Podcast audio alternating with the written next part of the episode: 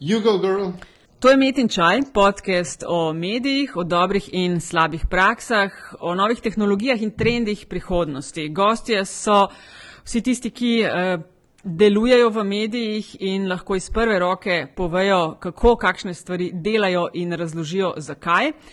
Podcast Metin Čaj pa delava skupaj Aljaš Pengal Bitenc, Radio Chaos in Nataša Briški Metina Lista. Aljaš, živijo. Živijo, živijo. Eh, dobiti se naj da na Afna Pengovski in Afna DC43. Eh, Aljaš, to je 63. epizoda podcasta. Mimo, mimo grede, jaz sem ful za to, da mi dva greva ta ameriški sistem, season 3, epizod, ne vem kaj zdaj, 6. Ja, to sem videla, da ko daješ na Twitter. Všeč mi je, všeč mi je. Se je, se je zelo jasno, samo malo se moram navaditi. A naj pa Ja, kar ja. s tem načinom. To je No, zelo gikovsko, ja, ni. Je, do- dosko, ampak v- ima še večjo, um, um, uh, še večje obvestilo, ne? Ja, in sicer, da imamo gosta, ki je, je um, ne, kako, bi, kako bi ti na njega gosta opisala? Uh, kot urednika, ali misliš kaj funkcijsko, ali. ampak ne, a veš, um, tako, bi- moram kar odkriti povedati, da imam zelo, zelo tako um, toplo, hladno, toplo, hladno odnos do, do uh, niti ne do njega osebno, ampak do dela in do medija, ki ga, ki ga uh, um, vodi. E, Pa ravno zato, po mojem, je ravno zato je treba o stvarih govoriti, ker eh, tako kot z begunci, svakojake zgodbe in se mi zdi, da je prav, da imava tudi človeka, ki je zelo upet v dogajanje, Gregor Trebušak, svet na kanalu A. Gregor, Živijo. Živijo.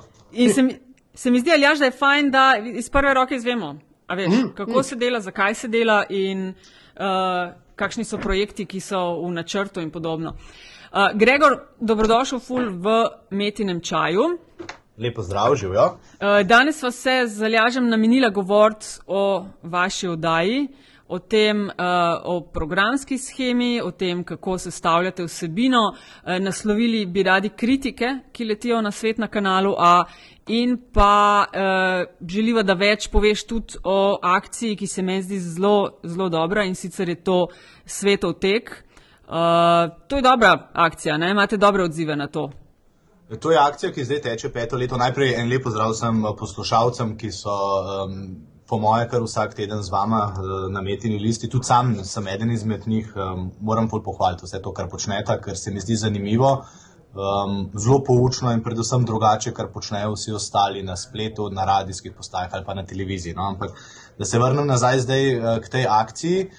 Ja, to je odlična stvar. eh, Idejni vodja te akcije je bil naš zdaj kreativni producent Jan Golja, novinar, ki si je enkrat rekel, mi ogromno socialnih zgodb delamo, jih naredimo, ampak kaj lahko naredimo več, da ne bo to zgolj zgodba, ki zasede dve do tri minute v oddaji in potem pač ljudje pozabijo.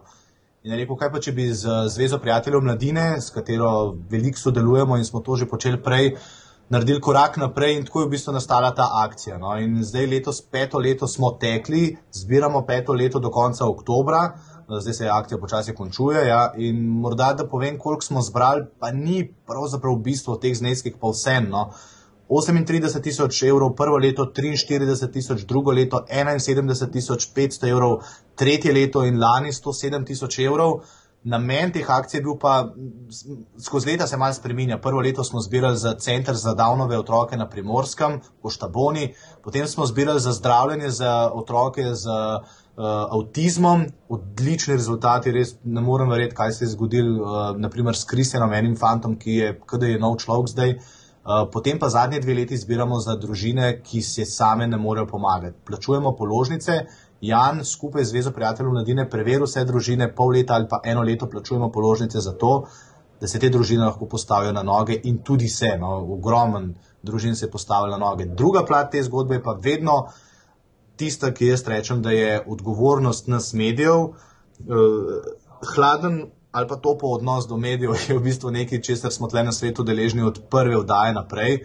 Jaz mislim, da je to nekaj, kar lahko najmanj vračamo družbi nazaj in sicer, da smo družbeno odgovorni. Se pravi, to ni akcija, da mi tečemo zato, ker pač gremo radi iz pisarne, pa da se mal pokažemo. To je v bistvu akcija zato, da ljudi opominjamo, da, da hočemo vrniti to, kar nam oni dajo. Oni nam pač zaupajo, mi pa mislim, da s tem lahko pomagamo tistim, ki to pomoč rabijo. No, tako upam, da sem uspel odgovoriti. Ja. Tako. Okay, Okay, se, se... Moram oprostiti, Nataša, ampak en, en, en disclaimer še klele z moje strani, ker sem tako zelo ostro nastopil. A, Meni se seveda akcija, akcija se mi zdi, se mi zdi uh, uh, do, ne samo dobra, odlična.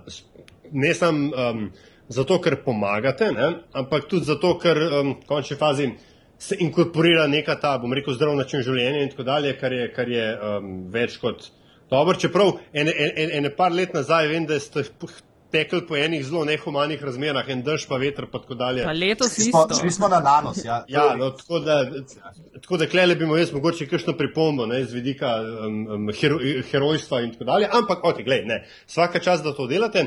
Tisto, kar, kar imam, je za mene dru, en drug problem z dobrodelnostjo kot tako, ampak to je stvar za, za kdaj drugič. Ja, se, Um, se uh, strinjam s tist- tabo in vem, kaj, kaj imaš v mislih. Ne? Ja, da dobrodelnost eh, je si, s, s, neke s- vrste izgovor ali pa uh, flajšter na tisto, kar bi mogla delati država. Tako, ne, da, da v, v osnovi, v osnovi Ja. v bistvu ohranja status quo. Ja, ne. ja. Ampak, ampak to ni. To, ne, Ja, to ne bo najina krivim, da, je, danes, sve- ja. da, da, da, Gregor ste vi ali pa nasploh svet na kanalu A kakorkoli odgovoren za takšno stanje. Tisto, kar mene nekaj drugega zanima, oziroma a, bom rekel zelo, zelo, bom mal zamoraliziral.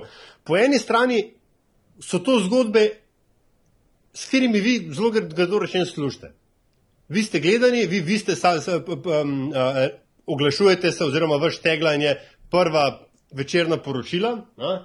In zgodbe, ki jih vi dajete, so zelo human interest stories. In, in, in res zadnja leta um, je bil nebroj takšnih zgodb, ki, ki so bodi si socialno nepravične, bodi si traumatične same po sebi. To vleče ljudi. To, to, to vleče oči, to potem vleče tudi oglaševalski denar. A, a je to vendarle ne, na nek način poskus pranja vesti, da tako rečem? Okay. Pa, pa vzem to kot provokacijo, ne kot, Absolutno, ne kot očitek. absolutno. Zdaj sem poslušal metine liste do zdaj in uh, vem, da nekako tako bo to tudi šlo in je prav. Zdaj, najprej, kar se tiče te, uh, tega teka in morda tistega vzpona, ko smo šli na nanos, uh, pa da podpiramo s to akcijo tudi zdrav duh v zdravem telesu. Mi imamo zdaj zadnji dve leti tudi akcijo Zmigovalec, dva tedna oziroma en teden, vsak leto spomladi, ko govorimo zgolj o zdravem načinu življenja, o tem, da je treba gibati, o hrani, o debelosti, skratka, tisto akcijo namenimo gibanju.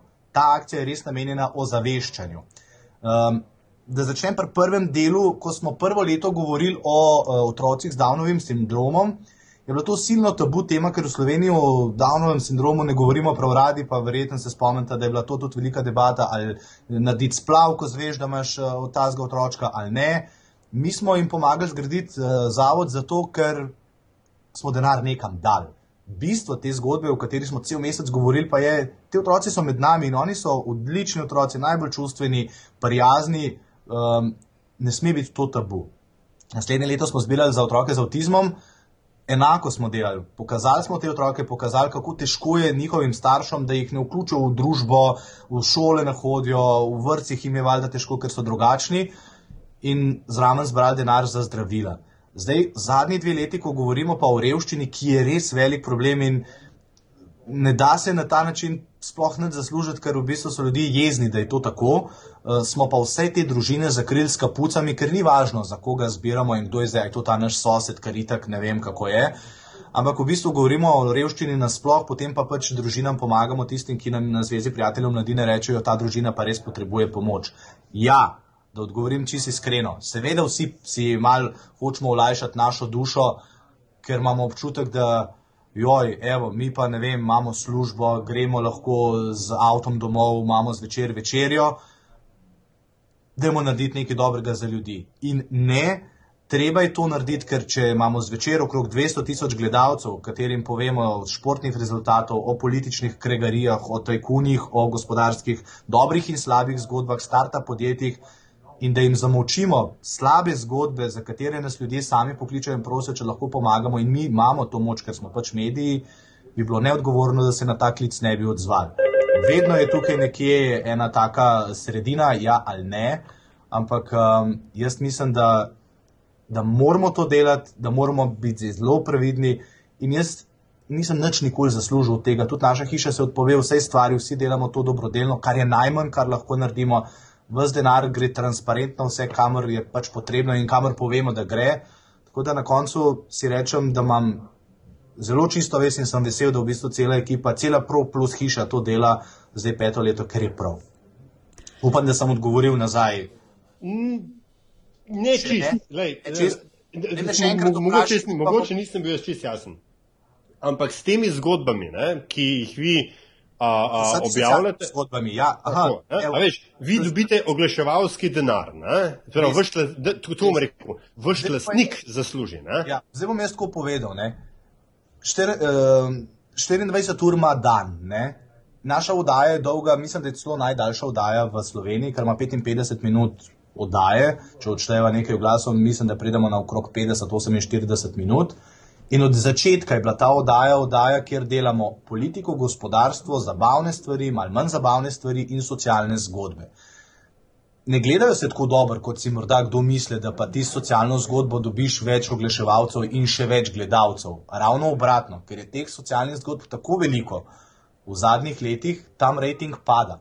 Nažalost, to ti lahko povem iz, iz tistih podatkov, ki jih vsako jutro ob pol osmih čakam in gledamo, ali smo ali nismo. Trenutno, naprimer, bi lahko rekel, da iz beguncev blazno služimo, ker je to zelo gledan, pa je ravno obratno, nihče noče gledati beguncev. Tudi pri malih korakih se zgodi, da rejting enostavno pade, ker ljudje rečejo, da to pa mene ne zanima.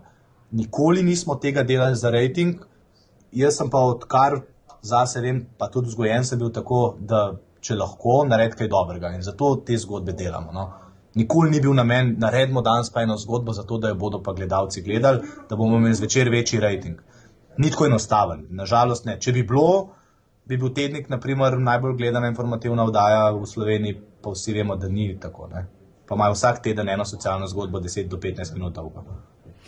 Gregor, je bilo težko, to ste štartali pred petimi leti, ko je šlo bolj ali manj za čisto vaš projekt, projekt sveta na kanalu A, je zdaj je cela hiša zraven in promocijsko, in marketinško, in 24 ur, in vsi novinari tečejo, je bilo težko prepričati, oziroma kdaj se je naredil tisti premik. Kaj je bilo tisto, kar, kar se mogoče delno navezuje tudi na to, kar je eh, Aljaš skušal vprašati. Kaj se je zgodilo, da je cela bajta pol stopila za tem projektom? Tudi? Odgovor je eh, zelo enostaven. Jan je šel od vsake sobe v naši hiši, ti Nataša, veš, da je ta hiša zelo velika in da preden obredeš vse pisarne tukaj, res rabiš veliko časa in prepričevanja. Tukaj je šlo pa zelo enostavno. Mi smo povedali, mi bomo tekli za to, da bodo ljudje rekli, kaj pa ti počnejo, se to pa nima nobene povezave z informativno oddajo in sporočili. In potem je Jan povedal, tekli bomo pa za tega fanta, on ima Downov sindrom in za tole punčko, ki ima tudi Downov sindrom. In ko je pokazal posnetke, pokazal, kaj rabijo, so vsi rekli, seveda, ni problema, kaj rabiš. In potem smo rekli, nič posebej ne rabimo, rabimo dva kombija, rabimo nekaj majc, zato da bomo, da bomo pokazali ljudem, to smo pa mi iz malih korakov in to je to. In prvo leto je bila to zelo partizanska akcija, vse je šlo ja. iz roko v usta, jaz rečem. Ne? Pa smo šli po sendviče, pa smo jih razdelili med tekače, pa smo poklicali, če bi kdo z nami tekel. In na koncu oddajo naredili v Koštaboni, zelo, zelo danes nikoli več ne bi šli v tako akcijo na tak način. No, takrat prvo leto smo šli in drugo leto je bilo pa vse enostavno. Vedeli smo, kaj smo naredili prvo leto in drugo leto je bilo prijav več, kot smo jih lahko v bistvu um, uresničili, da bi šli z nami tečno. Mm -hmm. Od direktorja do letos, naprimer, je tekla zadnje kilometre, direktorica informativnega programa, tečejo iz arhiva. Tečejo, tako, to je prav tisto, jaz bi rekel temu, da je to team building za našo hišo, ker gredo vsi z veseljem teč in od snemalcev do asistentov. To je, to je pa nekaj najbolj enostavnega, kar je treba reči. Mi tečemo, vsi so za nami. Ja. No, a preteče kdo celo traso? Celo traso ne, ker je predolga. Mislim no, ja. pa, da smo lani imeli uh, našega Gregorja Baša, ki je pa pretekel v kosu 80 km. Wow, Gregor je res legenda. Gregor je računalničar ne, na PopTV-ju in, ja, in se je pred leti, če se prav spomnim, vrgel v te ne samo obične teke, obično je recimo. Uh, Nekaj kilometrov, mogoče nekaj deset celo, ne? no, no, ampak, on je, ja, ja, ja, okay, ampak on je ultraš ratov. Tako za zajtrk, ne vem, en maraton Pa naš snemalec, Edi Sep, naprimer, je lani isto odtekel, ne vem, če ni 60 km odtekel. Zdaj, nažalost, teh dveh podatkov res nimam, ampak uh, blasta neverjetna. Jaz sem ravno na tisti progi, potem zvečer imel vklop v živo in jaz sem pretekel ja, nekaj kilometrov, ona dva sta bila pa bolj sveža po 50 km kot sam. In ja, to te kar potegne. No. Tudi letos, ko sem šel teč, absolutno brez uh, kondicije in lani. Misliš, da boš pretekel 2, 3, 5 km, pa jih še enkrat več. Letos se nam je pridružil en fant, mislim, da je bil star 12-13 let in je na koncu pretekel 21 km. Ojej. Čakaj, ja. sem te jaz prej prav ujela, Gregor, da si rekel, da je direktor tekel, vrabec je tekel. Res je, ja. Vrabec oh, wow. je tekel zadnjo progo v Piranu, prvo leto ali pa drugo, ko je dežval tam ob tisti cesti od Kopra proti Izoli in ja, je tekel tudi on. Ja. Fino. Ostaneva še kaj, ali jaš preteko ali gremo, tečemo dalje? Ne, dej, uh, veš kaj, tole me ipak zanima. Um, v redu, pol se, pol vi odtečete, je fino, fajn in to, da je, bom rekel, stvar, čeprav razumem, zdaj stopila ven izven vaše, okvira vaše hiše, je, je, je, se mi zdi sploh genialno. Ampak, kaj pa pol, pol, ko vi odtečete, pol, ko z Zvezo prijateljev mladine uh, ugotovite, kam ta denar gre, kaj se zgodi potem? Hvala za vprašanje. Tek je v bistvu zabavni del vsega skupaj. Tisti težji del pride pred tekom, pa zdaj ne govorimo o iskanju proge in tako naprej, ampak uh, priprava vseh prispevkov za to, da ljudem pred tekom pokažemo, kam smo dali denar. Potem tisti teden odtečemo, akcija teče torej do konca oktobra. In ta prvi dan po koncu teka se že začnejo pogovori z novimi družinami. Jan obišče vse te družine, se z njimi pogovarja, gre k njim domov, pogleda, ok, vi si pa res zaslužite. To, jaz si tega bremena ne bi nikoli naložil na rame, to lahko rečem, ker je to nekaj najbolj nehvaležnega, da v bistvu ti odločaš. Vedno gre to v skupino Zveze prijateljev mladine, ja, ker so tam profesionalci, ki to delajo profesionalno. In potem ta denar vsak mesec nakazujejo na račune, plačujemo račune, vedno smo z njimi v kontaktu, če kaj posebej potrebujemo, še dodatno nakažemo, če rabijo kakšno drugo pomoč. Skratka, ta akcija se v bistvu nikoli ne konča, zdaj že zadnjih pet let. Ne. V tej akciji je ogromno družin, lani smo plačali s tem denarjem več kot 4000 uh, položnic. No. Tako da to je akcija. V bistvu. Glavni namen je to, da na koncu ti pomagaš družinam, da gredo ven iz te stiske in, naj, in potem pripravljamo tudi prispevke, kaj pomeni da moraš ti zaprositi za pomoč. Slovenci imamo to težavo. Kdo ne zna ali pa ne upa zaprositi za pomoč, vemo pa, kakšna je brezposobnost. Več kot 100 tisoč ljudi in najhujša bolezen Slovenije je v bistvu, to smo imeli tudi v prispevkih prej, je, da si ti doma, da nič ne delaš, da ti nihče ne rab, da se počutiš nekoristnega. Kaj je največ bolezni ostalih, ne to, da si ti doma. In da ne moš plačati svojemu otroku, ne vem, športne dejavnosti, torbe kupiti. Skratka, če tega ne poznaš, če tega ne vidiš, tega ne moš predstavljati. No. In to je. je ja, sorry, ja, ja. A Jan sploh še kaj drugega dela, ker to se mi zdi tak full-time job. Ja, je. To je full-time job, je drugač kreativni producent, kar pomeni, da dnevno skrbi, da vdaja izgleda tako, kot izgleda, ampak ko je pa govora o malih korakih, ga zamenjamo in on je kakšen mesec in pol v bistvu zgolj na malih korakih. No. Potem pa, kot rečeno, moram reči, to nam pomaga Zveza prijateljev mladine, moste polje, tam so te punce, ki oddelajo res, res veliko. No. Pa ni ta ugolin, vedno je zraven. Zato jo tudi pokažemo, ker ni za ston slovenka leta. Ne. Njej verjamejo in če ona nam verjame, je lažje potem tudi ljudi prositi, hej, a bi nam dali na 1,9 evro, lejte, tej družini ga bomo dali, ni važno, kako ime ime, važno pa je to pismo, ki so nam ga poslali nazaj in se zahvalili. Recimo, Sodelujete pa tudi ne z valom 202.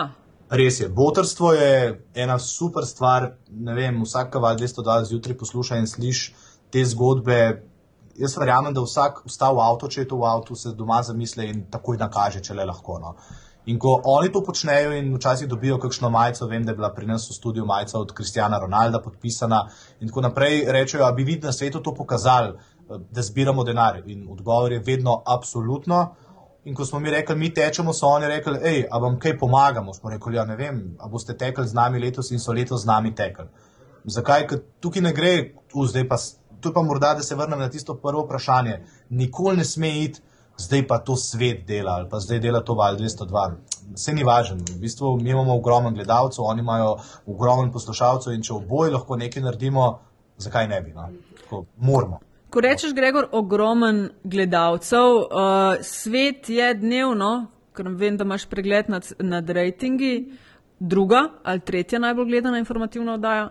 Zelo odvisno od dneva, pa od vremena. No. Poleti nismo druga najbolj gledana informativna oddaja, po zimi pa smo. No. Um, absolutno je prva tukaj 24 ur, um, potem smo pa mi, pa, pa včasih ne vem, odvisno je 24 ur zvečer.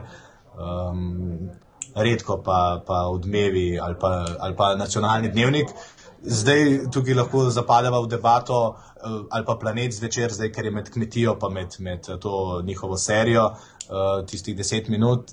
Pol so, vse to pa tudi sama veš, da tukaj se pa pol, ali je to ciljna skupina 1849, 1850, 4 plus, nacionalka da od novorojenčka pa do tistega, ki je umrl. Skratka. No, čak, čak, čak, time out, time out, time out. Aha, time out. evo. Zdaj, zdaj vidva spet kle neki televizica med sabo in jaz radic pa pol organa o tem nič ne razumem. Ne?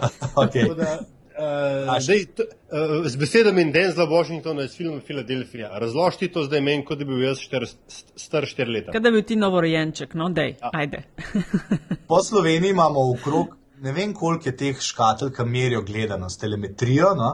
In seveda oglaševalci, ko dajo denar, eh, jih zanima tisti, ki oglašuje, ne vem, naprimer nov avto, ga zanima, komu ga bo poskušal prodati. Ne? In zdaj imaš ciljno skupino od 18 do 49. Vemo, Ker da je to ta- velja za ciljna skupina z največjo kupno močjo. Aha, se pravi, čak, moment, od, de, dejansko od 18 do 49 je, Tako. rekel, splošno sprejeta Tako. demografska skupina. Ja, v Ameriki, posod svet. po svetu. Ja. Tako, ja. Ker pa je dejstvo, da v bistvu ta kupna moč narašča bolj kot si star, ko se. Ko reče svojim otrokom, hvala, da živiš zdaj sam in si plačuješ vse stvari sam, pomeni, da imajo naši starši, ki nas imajo morda nekoliko kasneje, sploh zdaj v teh letih, več denarja tja do 55. leta. In zato je ta ciljna skupina lahko tudi večja, ker oglaševalci vedo, da si nekaj let pred pokojem, ne vem, kupaš nov avto ali pa si opremaš na stanovanje na novo, se pravi, se ta ciljna skupina seveda lahko tudi razširne. Če pa ti hočeš pokazati celotno populacijo gledalcev ne, in rečeš, evo, gleda me tudi uh, sedemletni deček, ki gre v osnovno šolo, pa po risankah hoče pogledati še svet ali pa kakorkoli, pa rečeš, ok, to je pa zdaj ciljna skupina 4, se pravi vse od četrtega leta naprej pa do konca. To, Aha, se pravi, tle, v, v, v, te, v, v teh dveh uh, uh, svetovih se zdaj kle slovenska TV konkurenca giblje in pol tepe s številkami. tako. Tako. In Ok, razlika je manjša med nacionalko, popravim, če se motim, Gregor, med nacionalko in uh, popovimi oziroma ProPlus oddajami je razlika manjša, če se gleda celotno populacijo, kot če se gleda samo tisto z največjo kupno močjo, torej 18 do 49. Ja, in ne, spet odvisen sicer od dneva, vikend je tukaj, recimo, zaradi narodno-zabavnih oddaj, silno močan na nacionalni televiziji, teden, absolutno prednjač, uh, Pro Plus, ja. um, je pa planet tudi uh, z resničnostnim šovom, recimo, zdaj prišel na to tržišče. Tako da v bistvu so zdaj tri velike televizije, ki si uh, dnevno nagajajo, zelo odvisno pa zdaj od programa in kaj ponujajo. Ja. Ok, ja, ampak če Ja, ostanemo, ja, na, ja, če ostanemo seveda. pri informativnih Ja. oddajah, Mladi planet. gledalci, ti aktivni gledalci, absolutno gledajo um, Pro Plus mnogo, mnogo bolj kot pa nacionalna televizija. Mm. Gregor, ti nisi sicer čisto klasičen urednik, ne? vodiš tudi oddajo, pa velikrat se oglašaš tudi z terena. Ne? Ja. Uh, a ste to, zakaj je tako? Ali zaradi tega, ker ste ne vem, sami ocenili, da je to boljš, ali ker ni ljudi, pa pač morajo vsak delati več stvari? Joj, um, v bistvu sploh nisem klasičen urednik. Urednik sem postal pri 25 letih, kar je verjetno en tak nenavaden rekord. Um, in sem bil premlad takrat za urednika. Ja. Ampak sem tukaj bil od začetka, od prvega dneva informativne oddaje, potem sem dal odpoved, šel na radio nazaj in sem prišel nazaj kot voditelj in postal urednik. In ko sem postal urednik, sem že bil voditelj. In ker smo imeli dva voditelja, pač Nušo in mene, sem ostal voditelj in to zelo rad delam. In če si voditelj, si moraš tako kot tekste napisati sam, da veš, o čem govoriš. In ko si napišeš tekste sam, si pišeš tekste za prispevke, o katerih govoriš, in da to lahko delaš, je fajn, če si urednik, ker potem veš, kaj tvoji novinari delajo. Se pravi, to je en zelo enostaven proces in zelo zmanjša birokracijo, jaz rečem, med urednikom, voditeljem in novinarji. No. Imam dve dnevni urednici, Kristino Hacin in Uršo Levičar, in Nuša in jaz smo voditelja. Skratka, ta uredniški tim je majhen, ampak zelo učinkovit, potem pa še kreativnega procenta Jana pa Andreja, ki skrbita za izgled oddaje in da vse teče tako, kot je treba. Zakaj sem na terenu, je pa tudi zelo enostaven odgovor. Ta teden, naprimer, tudi danes bom šel, verjetno sem bil uh, na terenu vse čas z begunci, ker če govorimo o beguncih, če poročamo o beguncih, moram to videti. Tako. In jaz sem tam, nimam bobna, to je pač govoriš o stvarih, ki jih tam vidiš, napoveš druge stvari. Vsak dan sem bil zdaj okrog 20 minut na terenu, 20 minut oddaje smo oddelali tam. Vsi na Twitterju, na Facebooku, mislim, 80 odstotkov, to je neverjeten, upam, da bomo mogoče tudi o tem, kaj govorili. Mi pravijo, kakšen lažnivc, ne bom zdaj vseh besed uporabljal od komunističnih barab in tako naprej, ampak tam sem zato, da lahko povem, kaj se tam dogaja. In to ni ena resnica. In doskrat, tudi kadar so poplave, tudi kadar so takšne stvari, meni je najlažje iti na teren. Voditelj mora iti med ljudi. In Nataša, ti to bolj veš, v tujini to nekaj popolnoma normalnega, tam ga ni voditelja ameriškega, ki ne bi uh, šel delati velike zgodbe ven. In novinari potem v studio. To smo naprimer letos prakticirali, ko smo z Nušo vseh 11 petkov poleti oddelali v enem izmed krajev po Sloveniji, naši novinari so pa ostala poročila oddelali iz studia. Pa to je bila tvoja odločitev, ali kdo je se moja. nekako odločil, da ja, gremo voditelji tudi na teren? Ja, to je moja odločitev, ker je enostavno. Voditelj je v bistvu novinar in novinar mora biti voditelj. Te meje ni večno. To je bilo včasih, je bil voditelj neki persona, ki stoji v studiu in, in ga vsi spoštujejo mi smo zelo mlada ekipa. Jaz si moram to spoštovanje kot voditelj preslužiti v naslednjih 15 letih, če bom to delo lahko seveda še opravljal, da bom na koncu rekel, evo, jaz sem pa voditelj zdaj že 35 let ali pa 25 let. Zdaj imam 31 let, voditelj sem 7-8 let, urednik um, 6 let, pa imam 31 let. Čez 10 let se bo to slišal že kar velik, ne 16 let. Ampak ni nekaj, ljudje hočejo videti, da sem jaz prnik, če se to dogaja. Zakaj bi iz sodobnega studia govoril o poplavah?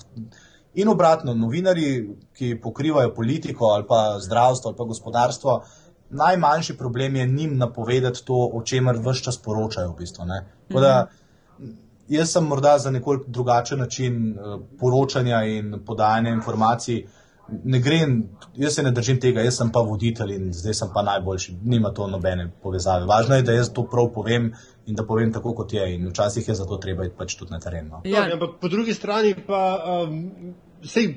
Vsi, ne, vidim, ampak uh, se mi zdi, da A-kanalovci pa nasploh rinete ven na teren, tudi takrat, ko mogoče kdaj ni treba.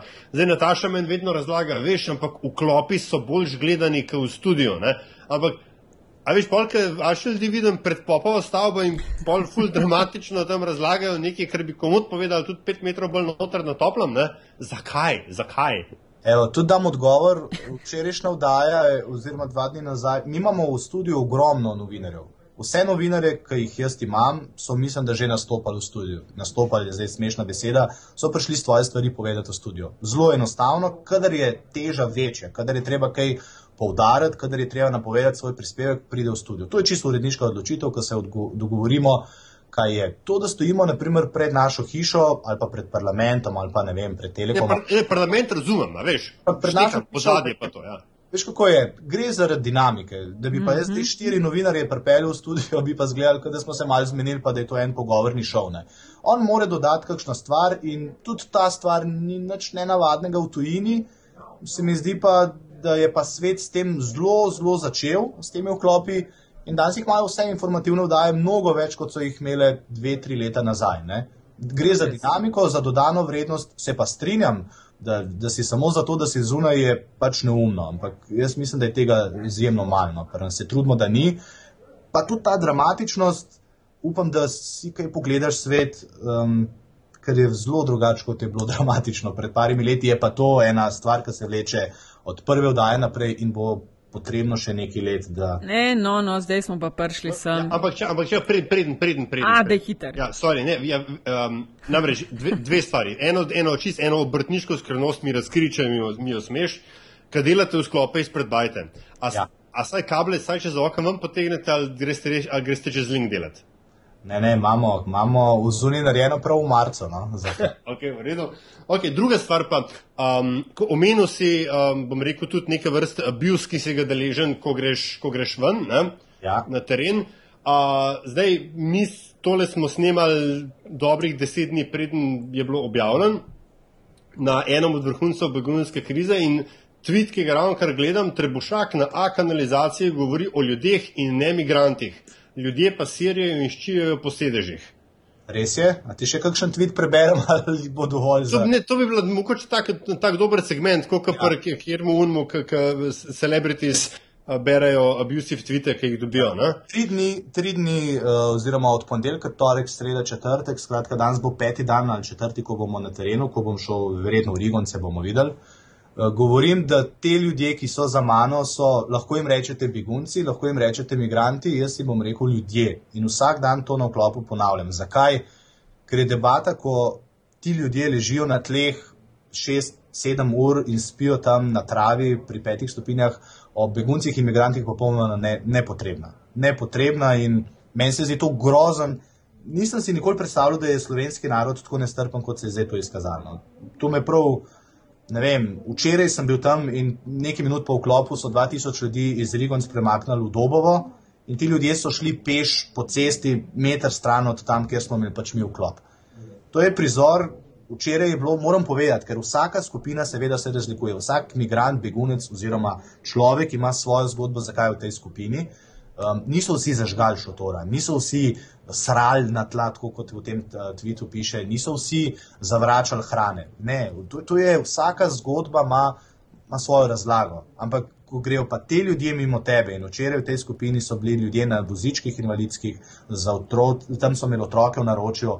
To je bilo, men, jaz kaj hujšega v življenju še nisem videl, in um, jaz sem se usedel na tla in sem joko meni zdaj to stran priznati, mogoče se bodo zdaj temu smejali, ampak ko to vidiš, to stisko, te tesnoba prime in, in ne moreš drugače, kot da, reč, da ti je ne, ne mogoče in ne razumem. Jaz ne razumem te nastrojenosti no, do, do, do teh beguncev. No. In bom govoril danes isto, kot sem govoril včeraj. To so ljudje. Je bi ga, nisi tako populističen, kot pravijo, da si, kaj ne rečem. Zato pravim, da je dobro govoriti z ljudmi, ki so noter, da povejo, ker je veliko velik govoric. No, prej si omenil Aljaš en tweet, uh, ki se je nanašal takih, Gregor, če sem te prav razumela, si jih deležen ali ti ali pa oddaja kar nekaj. Mal sem gledala tudi vaš Facebook, uh, sploh ko gre za objave v povezavi z begunci. Gre res za to, kar praviš, za en izliv nestrpnosti, nerazumevanja, nepoznavanja. Um, je pa tudi nekaj na tem, da se je oddaja, kot si sam rekel, je drugačna. Jaz jo še kar redno pogledam, ravno zaradi tega, ker uh, sem opažala ene vrste rebranding v zadnjih letih. A lahko kaj o tem poveš? Bil, bil si zraven na začetku, ko se je oddaja delala. Uh, ja. Delal jo je uh, pač Bojan Traven, ja. urednik, ki je zastavil nek koncept. Uh, In oddaja, še vedno bi, bi rekla, da nima dobrega imidža. Ne vem, kakšen imaš ti občutek?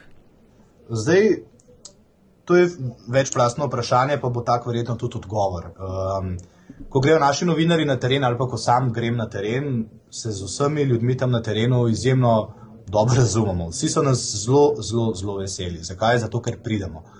Pa ne samo, kadar je kaj slabo, ampak pridemo tudi, ko ni nič slabo, ampak pridemo narediti dobre zgodbe. Uh, Bojan je ustvaril to oddajo in on je res, kar se tega tiče, velik strokovnjak, kako delati televizijo. To se je zgodilo 8 let zdaj nazaj. On je dobil navodilo narediti informativno oddajo, ki se bo gledala. Bojan je pregledal vse ciljne skupine, kaj si ljudje želijo gledati, vemo, kateri je najbolj bran časopis.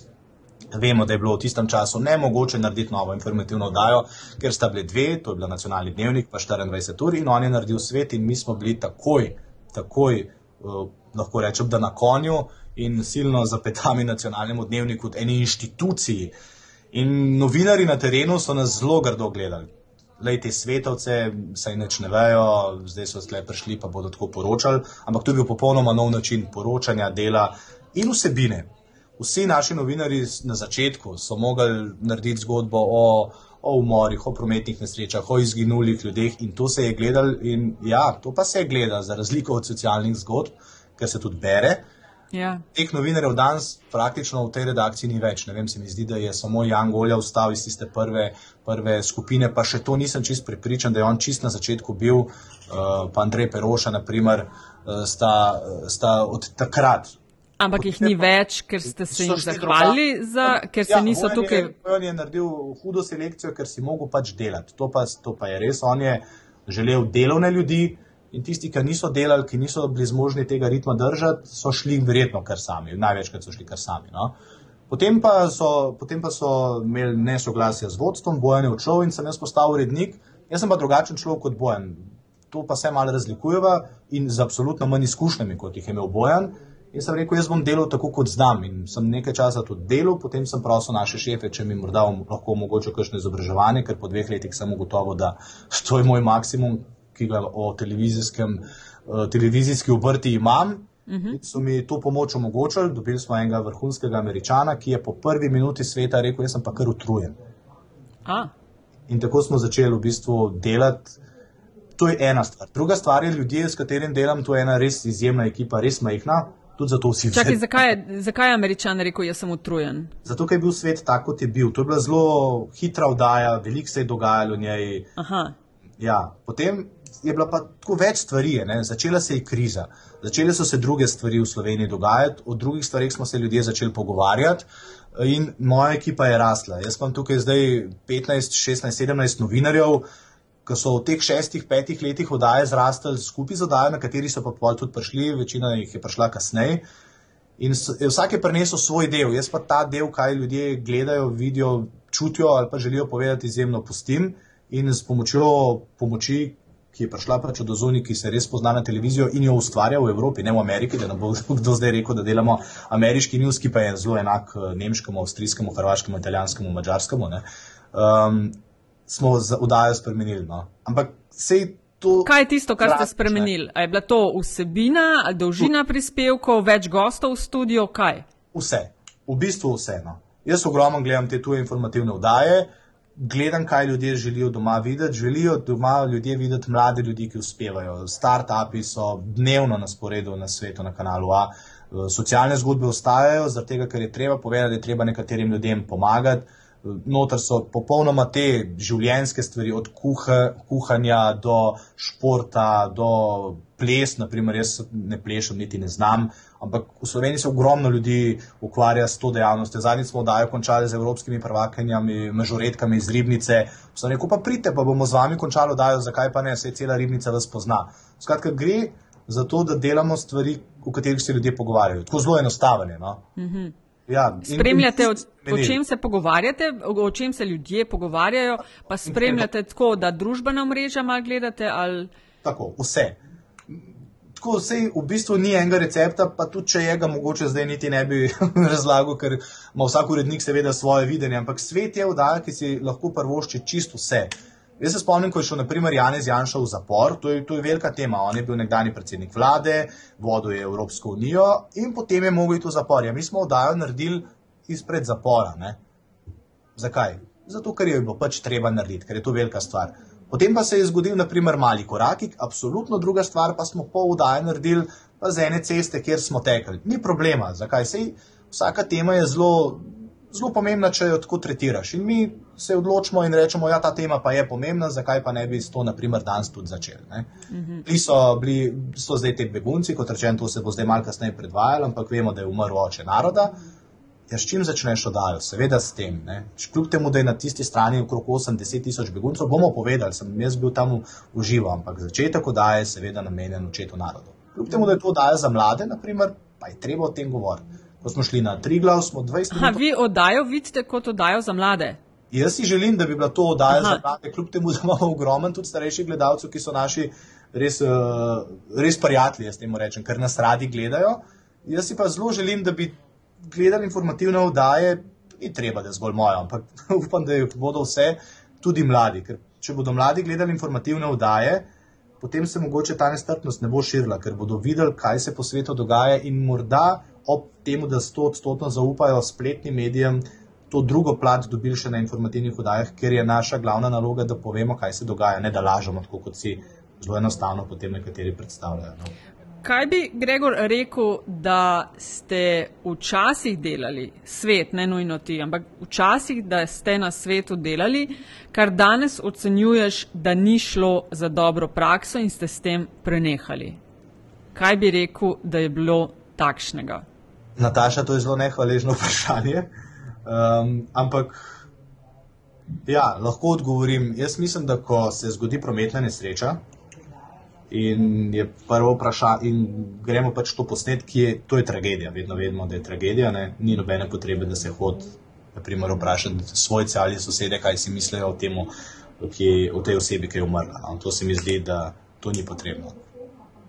Mhm. Uh, se pravi, kriterij. Ja, oprosti, a sta, a sta o glasbeni podlagi kaj rekla? Ne še, ne še, No, prihajamo. glas- Evo, kar začni s tem. Okay, No, daj. glasbena podlaga, dramatična.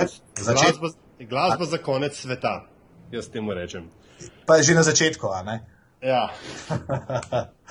A, Ta špica je vedno tema pogovora. Zakaj od prvega dneva vdaje pa do danes je? Večkrat smo se pogovarjali, ali to špico tudum, tudum, tudum, tudum, spremenimo. Ugotovil sem, da jo imajo tudi na eni britanski televiziji za poročila, pa še nekje sem jo našel. Um, težko je spremeniti špico. Ko spremeniš špico, spremeniš, moraš vedeti, da boš to naredil na boljši način. čak, Priznam, zakaj? Pogledaj nacionalko. ja, Etan, Glej, ja, lahko ja. Pogledamo, ne, ne, se je, je dober primer. Lahko pogledamo nacionalko, pa ne morem reči, da so se jim vse te spremembe obrestovale. A ne, a ne, a ne, ja. Uh, na nekaj navadiš gledalce. Ne? Jaz se strinjam, da je špica na začetku, glede na to, kaj potem po takoj po špici ponudimo, morda ne najboljša. Zaenkrat pa nimam boljše rešitve, ko jo bom imel, bom pa zelo vesel in jo bom tudi pokazal. No? A je to recimo, je to recimo tvoja, bom rekel, primarno tvoja naloga, ali imaš v ekipi, ne, rekel si, da je Jan Golja kreativni producent, ne vem, ne vem kakšne so, kakšen je njegov opis deli nalog. A veš, a imaš, imaš človeka, ki bi recimo se primarno s tem ukvarjal, s podobo, zvočno in slikovno. Ja, to, je, to je Jan Golja, pa potem skupaj sediva, pa potem greva do naših šefov. Skratka, to je tak dolgotrajen proces. To so res, res velike stvari. Ko spremeniš te temelje oddaje, ne, moraš tudi upravičiti. Jaz pravim, ko bomo 100 odstotna informativna oddaja, ker bo Nataša rekla, sem pa gledala in sem bila pa navdušena, ker se mi zdi, da ste upravili svoje delo odlično, bo tudi špica taka. No. Um, ja. Okay, ja, ja, prav, ja, glej, um, v redu, zdaj v bistvu nisi povedal nič, ampak okay. se v končni čas- fazi, sej, se, glej, sej morava biti poštena, ne z Natašo, mi da se zdaj že tretjo sezono ukvarjava z idejo, da bi mi dva imela na javni jingle, ne, pa ga še vedno nimava. Ne. In vedno, vedno drugače začneta. Ne? Ja, ne. To je, jaz to vidim kot problem, ne. ker, ker re- res, ko daš. Važen je vsebina. Ne? Jaz vedno pa rečem, če zdržim uvod, bom pogledal vsebino in na koncu se bom odločil. Ta naslov je slab, ne? ki, ki je včasih res nepotreben, ker tako dobro, kot delajo na, moji novinari, to je, to je res kot primerjam včasih. Mislim, res se potrudijo, no? res oni se maksimalno potrudijo. Ja, se zgodijo napake, da ne bo pomote. Vedno se pri ljudeh, ki delajo, zgodijo napake, sploh ko delajo toliko velik. Ampak res veliko vlagajo v to, da to naredijo boljš kot vsi ostali. Je pa res, da ljudje, ki pa ne gledajo sveta, imajo v glavi še vedno svet, ki jim ni bil všeč. Ne? In te ljudi je izjemno težko prepričati. Jaz si želim, da bom prepričal tiste, ki niso prej nikoli gledali sveta in bodo nas gledali in bodo rekli, pa se mi je všeč. Povedali so, ok, tole mi ni bilo všeč, to mi je bilo všeč, ampak sem eno uro z njimi bil in bom tudi jutri. To je v bistvu težko je prepričati prepričane. Ne? Ja, Ja. to si pravi, ko enkrat zgubiš publiko, je zelo Je težko. težko, nazaj ja. ne. O, Ja. ja, tako ne. Traja, da si jo pridobiš, hitro jo lahko zgubiš uh, in je res, je res tako, no, tudi v zvezi s svetom. Sem, opažam, no, zadnja leta res moram iskreno reči, neke vrste rebranding, hkrati pa še vedno se vas drži, oprosti temu izrazu, ampak skret na kanalu A, to verjetno ti nisem nič noga povedala, je nekaj, kar Res je, je pa, to, je pa ta zadeva prvič prišla ven, zdaj se pa, mislim, upam, da se ne bom zlagal, mislim pa, da je prvič ne skret, ampak kanalizacijo uporabil Gregor Golobič. Zanimivo se mi zdi zelo fajn. Um, in potem njegovi največji nasprotniki na SDS-ovi strani. Ne? Mi smo bili SDS-u kot stranki zelo všeč, ko niso bili na oblasti. Ko so bili pa na oblasti, pa čist nič. ne. Aha. In enako je bilo pri Gregorju Golobiču, ki je bil tudi edini človek, ki me je osebno tožil, kot se spomnim, pa potem umaknil. Njegov tajnik, ki je bil pa, to sem hotel prešparati za konec, pa tudi bom. No. Um, ampak uh, SDS, na primer, je bil pa silno nezadovoljen z našim poročanjem, potem, ko smo karkoli rekli čez Janša. In kar naenkrat smo iz televizije, ki je bila njim všeč, ker smo pač vedno rekli, da če gre za slabo in za komunizem, je pač treba povedati. Smo postali silno murgelska televizija, kar se mi zdi ful, ful zabaven. ne. A zdaj ste kao komunajzeri. Ja, zelo, zelo, zelo hudi. No? Mislim, da mi vsak dan Milan Kučan napiše tweet oziroma SMS, kako ne poročam, pa bom tudi ta del za na konec prešparil. A, zanimivost. Ja. Uh, Povej mi še, V bistvu ga naj, najprej ga meni, pa pa tisto, kar pri meni ni šlo čez, pa ti dobiš, samo to, da veš. No, Ja, evo. ti si Aljaš, je, moram tudi, ja, to moramo iskreni biti, eh, murgelska podgana ali kaj si že? propovska morgalska pogajanja. A, pardon, ja, pardon, ker sem mal, Ampak ja. To so pardon. zelo, druga- drugače so pa meni zdi to zelo nenavadne ali pa zelo neprijetne ali pa zelo nepotrebne debate, ki jih imamo v slovenskih medijih. Ne. Um, vem, da tudi video veliko govorite o celotnem stanju slovenskih medijev. Meni se ne zdi slabo, kar se tiče novinarstva. Pri meni so novinari, lahko da se motim, da bo kdo potem, ko bo to poslušal, rekel: Gregor, kaj pa govoriš. Ampak novinari imajo sto odstotno svobodo, nikoli jim ne rečemo, kaj morajo narediti. Oni naredijo to, kar je. Pač. Zjutraj imam jaz kakšno idejo, pa pride nazaj in reče: ni tako, ne, bomo poročali drugače. Tudi se mi ne zdi, da je alarmantno stanje na nacionalni televiziji. Če si slabo delal in boš zgubil za to službo, to ne pomeni, da je zdaj to leva ali desna opcija kogarkoli odpustila. Ok, čakaj, čakaj, čakaj, čakaj, čakaj. čakaj, Ampak čakaj, govorimo pa vse čas, da so slovenski mediji pod silnim pritiskom, da je vse slabo. In mislim, da smo si sami naredili eno veliko, veliko škodo, ker najprej so bili krivi um, politiki, pol tajkuni, potem je bilo pa treba najti novega, uh, novega, novega krivca v družbi. In, pol, in novinarska društva, in marsikdo je silno pomagal k temu, da je politika lahko sprožila, da smo zdaj novi krivci, pa mediji. In to si lahko mal pripišemo, pa tudi sami. No? No, gled, mislim, če per, Kaj? mogoče to, a veš, da smo novinari ali pa mediji šele zdaj krivi, to ni. Klele, mogoče ne me zameriti, ampak tvoja mlajša leta od najo z Natašo, bolj kle pride do izraza, ker ta zgodba se skozi fleče. ne. Absolutno. Veš, med, med drugim. Hujši krivci, ne? so bili prej tajkuni, pa politiki, zdaj pa je en vakum, kdo bi zdaj bil kriv. Ne? Mediji, so- veš, mediji so skozi nek fallback, v, ko- v končni fazi, gledaj, veš, če vzamemo, veš, itak, ko se pri nas govori o medijih, se nažalost še vedno predvsem govori o časopisih, ne. A, a veš, recimo, gledaj, ko so, ko so uh, privatizirali, oziroma v času lastninjenja, ko so novinari, ki so postali lastniki časopisnih hiš, te delnice prodali za nov avto, ne, zdaj pa v bistvu jamrajo, da lastniki ne razumejo medijev, a veš, kdo je zdaj kle kriv, ne? Mislim, jaz, jaz na novinarstvo gledam tako. Najbolj močen medij v tem trenutku je internet. Ne? Drug najbolj močen medij je pa v bistvu televizija, no? ki še vedno je močnejša od interneta. Internet je morda včasih samo bolj agresiven. No? In glede na tiskane izdaje, koliko jih imajo slovenski časopisi, z izjemo slovenskih novic, je zelo jasno, da, da so to mediji, ki umirajo. ne. To Zdaj že, to že, to že. In potem se mi zdi vedno hecno, da vedno so pa ti najbolj glasni, kadar se govori, se je razumljivo po eni strani, po drugi strani pa ne vem. Jaz redko vidim televizijske novinarje in urednike, ki jih sprašujejo o stanju v medijih. Zelo velikrat pa to komentirajo. Ampak to se, to se, niti ni to moja debata, niti se s tem nikoli ne ukvarjam, ker se nikoli v to debato nisem vključil, niti nisem bil vprašan. Ampak ne zdi se mi, da je tako slabo v slovenskih medijih, kot hočejo nekateri prikazati, da, da je vse slabo, ker če hočeš dobro delati, boš vedno dobil službo. No? Um, v bistvu sem hotel pač nekaj, nekaj drugega b- b- pobarati, ne? ampak mi je, mi je zdaj seveda ušlo iz glave, ker smo tole tangento naredili. Uh, pa Lahko- vendarle, ja, bolj prosim, Nataša. Ne, lahko pa jaz nadaljujem, pa se ti vmes No, mogoče no, spomniš. Uh, to sem hotel vprašati, Gregor, ko si omenil, da vaši novinari nekako imajo sto odstotno svobodo, ko grejo na teren, uh, kaj delajo in kako to naredijo. Sem se spomnila primera, pred časom sem ujela na Twitterju, uh, ste se svet in Anže izpod črto bockali glede navajanja verov. Kakšna je vaša politika glede navajanja verov? On vas je takrat obtoževal, da ste um, da niste prav navedli vira oziroma da niste attributed to pod črto, ko ste Spomnim. kazali neke Tega fotografije. spomnim. Mi smo ta primer. V primeru ene dvakrat Tetra, ne? In tiste razkritja. ali Trikrat smo to delali in ko smo prvič delali, smo povedali. Potem pa drugič, ko smo kazali te pogovore, je, to je bila pa napaka. Absolutno nismo podpisali, odkje ti pogovori izhajajo. Je pa ta zgodba bila vedno predstavljena kot da je to izpod pod črto in tudi ta fant je takrat bil naš gost v studiu. Ne? Tako da tukaj ne, neke ekskluzivnosti v tistem trenutku ni bilo več. Vse je, to pa res, to, to se prav spomnim. No. Pri vsem tem pokrivanju, to so čist drugi elementi, Nataša, morda ti malo bolj veš, gledalcem je pa to čisto vse, absolutno se to strinjam. Mm -hmm. Pride v tej hektiki včasih do napake. No. Tako da, ja, bil je pa ta fant takrat, jaz sem ga poklical, sva se pogovarjala, je rekel, ni problema, pridem v studio, skratka, zgodbo smo mi peljali skozi fanta. Kar smo pa pokrivali zaradi vizualne stvari, je bilo pa to, kar so fanti dolgo časa preiskovali. Drugače pa to citiranje je to, toliko zapletena stvar, da kadar gre za res ekskluzivno zgodbo, rečem, Ljubljanski dnevnik je to poročal delo ali pa finance ali pa STA, nimaš težav s tem.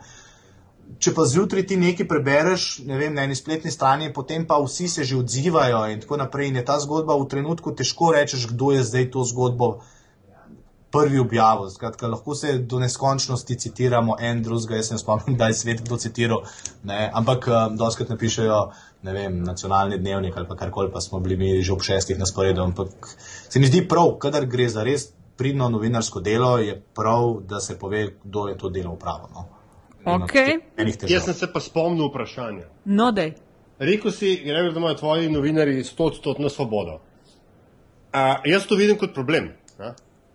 A, ker meni se zdi, da je, a, oziroma drugače bom vprašal, a si kot urednik kdaj zavrnil prispevek? Ja. On ima 100 odstotno svobodo, da napiše in da gre na teren in da pogleda, kaj je bilo. Ampak če pa to, ne vem, naredi slabo potem in ne utemeli, pa ta prispevek ne ugleda luči. No? Ima- Ta Svoboda pomeni, da nihče ne reče, moraš tako narediti. Ne? Če pa ti prejš nazaj, pa rečeš, jaz mislim, da je to tako, pa tako, pa jaz rečem, pa si to preveril, imaš ta odgovor. Joj, to pa nisem še dobil, v redu, bomo počakali. Ne? Se to je zelo enostavno. No? Televizijski posel, novinarski posel ni toliko zakompliciran, kot se včasih delamo, da je. No? Ker ti moraš pokazati eno stran in drugo stran, moraš vprašati vedno in to na koncu pokazati. Tako jaz to jemljem. So potem nianse, so potem obrti, kako to, obrtno, kako to potem zapakiraš, ampak. Um, Kaj pa, kadar ni dveh strani? Kadar pa ni dveh strani, moramo pa povedati, da ni. Ne? In to tudi rečemo. Smo tudi poslali tja vprašanje, ta nam ni želel odgovoriti, so rekli, da nam bodo, nam niso in tako naprej. Ne? To je pa minus televizije v primerjavi z drugimi mediji. Televizija zvečer ob 18, pa ob 19, pa ob 22 pač mora imeti te stvari. In tukaj včasih gre na, na račun tudi kakšnega odgovora, ki potem naslednji dan pride, pa ga pač objavimo. ne. Oziroma, jaz, zdaj smo se pa. Tudi svet, to je ta transformacija, nima nobenih težav dobivati odgovore. Pokličemo, rečemo, mi bomo to povedali, če vas ne bo, bo to slabo, in potem odgovor vedno dobimo. Se A zdaj, imate kakšnega, no, da ne bi. kakšnega ne vem, človeka, strokovnjaka, politika, kogarkoli, ki ne želi priti v vašo oddajo, pa ga vabite? Ja, to pa so, seveda. Ne. Kateri so, naj, da ne želijo, ne vem, in kaj so njihovi izgovori, oziroma zakaj ne? Pri strokovnjakih ne morem reči, da ne, ker smo imeli, se mi zdi, da čist iz vseh strokovnih področji, za katere jaz niti nisem vedel, da obstajajo, in že v studiu. Pa se ne strinjajo vedno z nami ali pa z našim stališčem, pa rečejo, bom pa zato prišel pogledat. Spomnim se, da je bil tak, naprimer, zadnji, ko sva se dolg časa pogovarjala, uh, strokovnjak o Tešu, ki ga imamo tukaj v Ljubljani, pa sem zdaj se upravičujem pozabil, z katere fakultete, ampak mislim, da je, eh, ne bom zdaj načekal, da se ne bom zmotil. On je prišel ravno zato, da je povedal, da ne more se strinjati s tem, ko mi rečemo, da je pač treba pa povedati, da je zdaj ta posel bil transparenten, a ga sploh potrebujemo, govorijo o Tešu 6. Ne? Ja. Ampak je prišel in je rekel, se mi zdi prav, da sem prišel, ker uh, moram povedati, nihče me nikoli ni vprašal. Lahko bi mi kdo rekel, da je iz šaleškega lobija, meni se zdi pa samo, da imamo ena dva huda strokovnjaka v državi in ta je eden od teh in prav, da ga vprašamo. Se pravi, pri strokovnjakih nimamo nobenih težav. Tudi se zdaj ne spomnim, da bi kdo rekel, ne, k vam pa ne bom hodil, ker. Um, še Marko Jaklič je enkrat prišel, sicer povedal, da pride pol ure prej, uh, ampak je prišel. Uh, Janez Janša pa ne želi, no, to pa res. Janez Janša pa ne želi, pa smo ga velikrat vabili. Zadnjič, ko smo naredili, da bi imeli soočenje v studiu, smo se prilagodili celo uri, kdaj bi prišel na soočenje, pa je 20 minut pred začetkom odpovedal obisk v studiu, um, kar je naredil tri dni prej Janez, uh, Zoran Jankovič, čež da ne utegne. In takrat smo prebrali vsa vprašanja, ki smo jih želeli postaviti Zoranu Jankoviču, pa smo jih prebrali, pa odgovore ni bilo. Janez Janša pa tudi ni želel priti, pa smo tudi povedali. Takrat naprej pa ne želi priti. Razumem pa zakaj, ker ko je bil, je bila voditeljica Nuša Lesar in takrat je bil govora o teh prirejenih dokumentih, arhivskih, a je zdaj uh, naš nekdani predsednik države nekaj vedel ali ne. In vemo, da je SDS takrat priredil vrstni red teh dokumentov, in to smo ga pač v studiu vprašali, zakaj so to naredili. In je on zanikal, ampak je težko zanikati nekaj, kar veš, da ni res. In je potem čez en dan SDS, posla, SDS stranka je poslala upravičilo, da se je to res zgodilo, ampak v studiu pač tega upravičila ni bilo in je bilo tako. On je potem po hodniku upil, da nam je Gregor Golobič um, pisal vprašanja. No. Pravno mi je. Ne, mislim, ni bilo, ni bilo kaj za zapisati, ker je bilo enostavno vprašanje, zelo enostavno, zakaj predstavljate dokumente tako, če pa so v bistvu v tem vrstnem redu. Ne? Ampak to je bila takrat velika politična tema, takrat je prišel in mislim, da je bilo pa to zadnjič v našem studiu. Ja. Kljub temu, da smo bili, naprimer, edina televizija, ko je šel ono zapor, ko smo celo oddajo tam naredili, ker je to pomembna stvar. Je zelo tako ta. Um, ta odnos uh, stranke, predvsem res rečem SDS-a do, do drugih medijev, je. Mi smo, mi smo tako, tako opankari, ne? ampak jaz se s tem ne obremenjujem. Če ima SDS pri eni stvari prav, bom to vedno povedal. Zdaj je ta primer SDS upozarja, da je vlada prepozno sprejela ukrepe, kar se tiče uh, begunske krize in potegnila noter upokojene policiste, skratka tako naprej. In sem to povedal, ker imajo prav. Nimajo pa, naprimer, prav, da so šli pa trije poslanci na teren in javno uh, kritizirali stale medije, da jih zdaj nismo prišli posnet, se mi zdi pa absolutno nepomembno, kater poslanc je zdaj tam stal. To se mi zdi pa nepomembno. Gregor Golobič si zdaj že uh, parkrat omenil in uh, če sem prav razumela tvoj namik vmes prej, uh, bomo nekaj na to temo slišali. Tudi o zanimivosti. Pred samo zanimivostjo bi pa te jaz še nekaj vprašala, ker zdaj govorimo o okay, politika glede navajanja verov, glede vabljenja gostov. Uh, Ko spremljamo, mi v okviru projekta Meta Dekleta spremljamo zastopanost žensk v uh, gosti v najbolj gledanih informativno-analitskih oddajah na slovenskih televizijah in vi se konstantno, svet na kanalu A se konstantno izkazujete z predvsej uh, uravnoteženo zastopanostjo oziroma z v tem pogledu najvišjimi odstotki. A to je namerno tako? Um, Zdaj bom pa iskren. Ali se avtomatsko to zgodi? Ja. Ne vem. Jaz nikoli nisem na to pomislil, nikoli v svojem življenju kot urednik nisem pomislil, da moram zdaj iskati žensko ali moškega. Vedno smo gledali, kdo je ta strokovnjak, gost ali pa nekdo, ki bi prišel v studio in ga povabili. Potem sem pa enkrat vodil eno prireditev, uh, kjer si tudi ti, Nataša, bila kot gostja in kjer ste to predstavljali. Tam so sedele samo, jaz rečem, ene najmočnejših žensk v tej državi, vsake iz svojega področja, silno kompetentne in strokovne. In sem bil skoraj da ne izvan, ker ko sem gledal to grafiko, sem se prvič zamislil in ko sem poslušal te ženske, kakšna razlika je med tem, če si ženska ali moški pri plači, pri um, spoštovanju in pri ostalih stvarih. Da, ko sem stopil pred tisto publiko, ki sem samo vmes povezal tekst, rekel: Jo, se čujem, veste, da nisem vedel, da smo mi na svetu tako slabi v tem. To je bilo lani, se mi zdi. No? In potem sem prišel v službo in sem povedal: Veste, tole prireditev sem odvodil za ston, da ne bo zdaj kdo me lovil na to, ker je pač absolutno šlo za dobro stvar. Uh, in sem ugotovil, da smo svetovci pa zelo malo vabili ženske v studio dajmo biti včasih pozorni na to, pa se samo vprašati, ali obstaja tudi strokovnjakinja. Jaz ne vem, če smo se to vprašali petkrat od takrat naprej, za res, se je pa zgodilo, da smo imeli ogromno žensk noter. Tako da ne vem, kaj se je spremenilo, vem, da zavestno, zagotovo ne. Se pa to dogaja. No. Tako da, um, hvala lepa, da, da smo zdaj na tej lestvici visok. Nikoli ne sme biti razlog, da je nekdo gost v studiu ali je moški ali je ženska, važno je, da bo povedal tisto, za kar smo ga povabili. No. Tako da očitno imamo s tem v zadnjem času izjemno srečo. Se strinjam povsem. Gregor, zanimivost, uh, debato smo imeli, ki je pripeljala do počasi do konca. Uh, vsakega gosta vedno zalažemo vprašava po tem, da nama pove nekaj, česar ne vemo. To je lahko s kariero povezano, lahko s kakšnimi siceršnjimi zanimanji v tvojem življenju. Um, evo, vsa, I'm all ears. Okay. Ušesa so me, povej. Ja, hvala lepa. Zdaj, eh, dvakrat sem omenil Gregorja Golobiča, enkrat mislim, da Kučana, pa prej, ko sem govoril o Janši. Največja ironija vsega tega je, da ko sem postal novinar, si zelo, si zelo um, naivan, jaz temu rečem. Jaz hodim v crkvu, bil sem, sem crkveno poročen, bil sem tudi ministrant, se pravi, a priori, že ko prejš v gimnazijo z vasi, si desničar.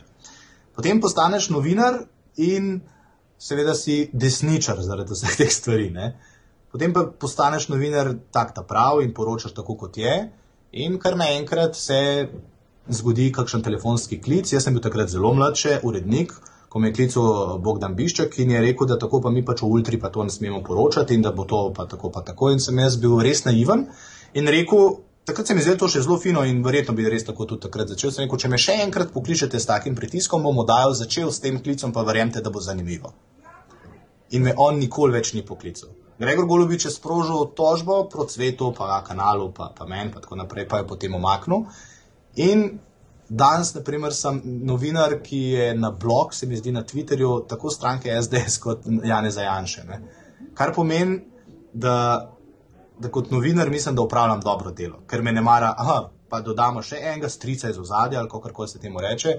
Milan Kučan je nekdo, ki ga pač vsak urednik v tej državi lahko pokliče in ga prosi za uh, besedo in izjavo, tako kot lahko pokličemo kogarkoli, vsi uredniki. Da ne bo zdaj kdo rekel, da ima samo Milan Kučan direktno linijo do urednikov. Meni Milan Kučan nikoli ne dvigne telefona, oziroma mi nikoli ne odgovori na SMS, ko ga prosim za odziv, tudi na kakšne zelo pomembne stvari, ki se tičejo njega kot nekdanjega predsednika države.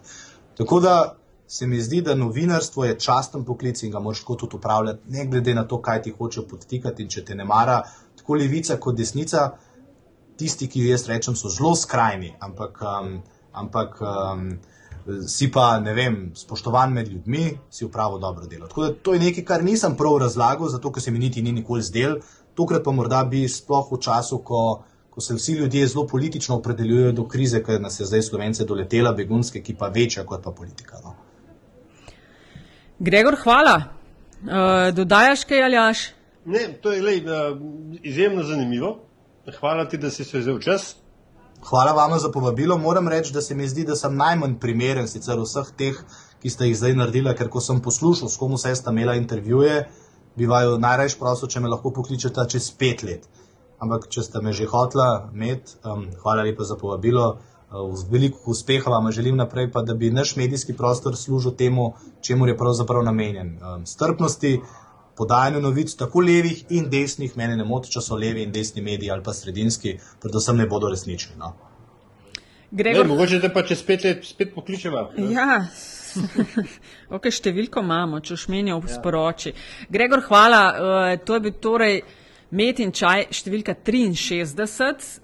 Vodiva ga Aljaš Pengov Bitenc in Nataša Briški. Dobite naju na Afna uh, Pengovski, na Afna DC43, podcast pa na Afna Metina lista, hashtag Metin čaj. Uh, hvala vsem za pripombe, za kritike. Če najdete kakšno minuto, da nam napišete oceno v iTunesih, bova zelo, zelo hvaležna. Lahko pa nama tudi pišete na infoafna metinalista.si. Ali jaš ti še kaj?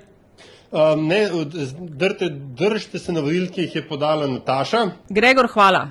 Ja, super, hvala je bilo. Ja, super je bilo, hvala.